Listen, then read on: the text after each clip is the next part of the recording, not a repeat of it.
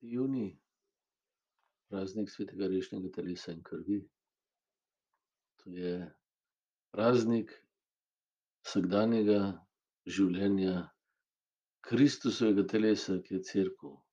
Smo po veliki noči in po krstu smo, del, smo v Kristusovem telesu.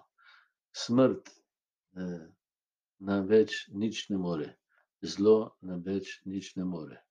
Naše življenje je zajeto v božjo ljubezen, ki je noben mogotec tega sveta ne more več ogroziti.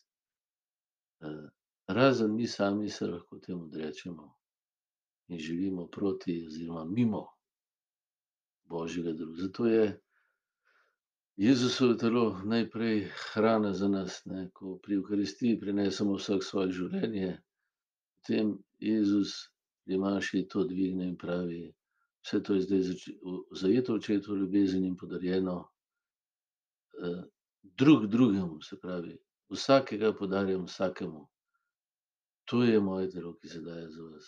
Moja ljubezen, ki je v vas, iz vsakega iz vas dela dar, ki je vir življenja za druge.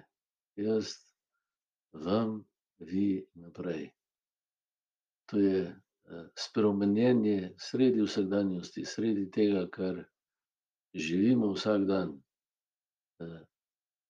Nas Gospod preobraža po podobi očetove ljubezni kot dar. Mi zdaj lahko vse stvarstva, ki ga uporabljamo, živimo kot kruh in vino, ki ga uživamo zato, da lahko podarjamo naprej očetovo ljubezen bratom in sestram. Ta kruh in vino postaja, ljubezen med nami, konkretna, v vsakdanjih stvareh. Odpuščanje, sočutje, poslovitev od krivde, zamer, sovraštva in vsega tega, kar nas ubija. oživljanje našega srca.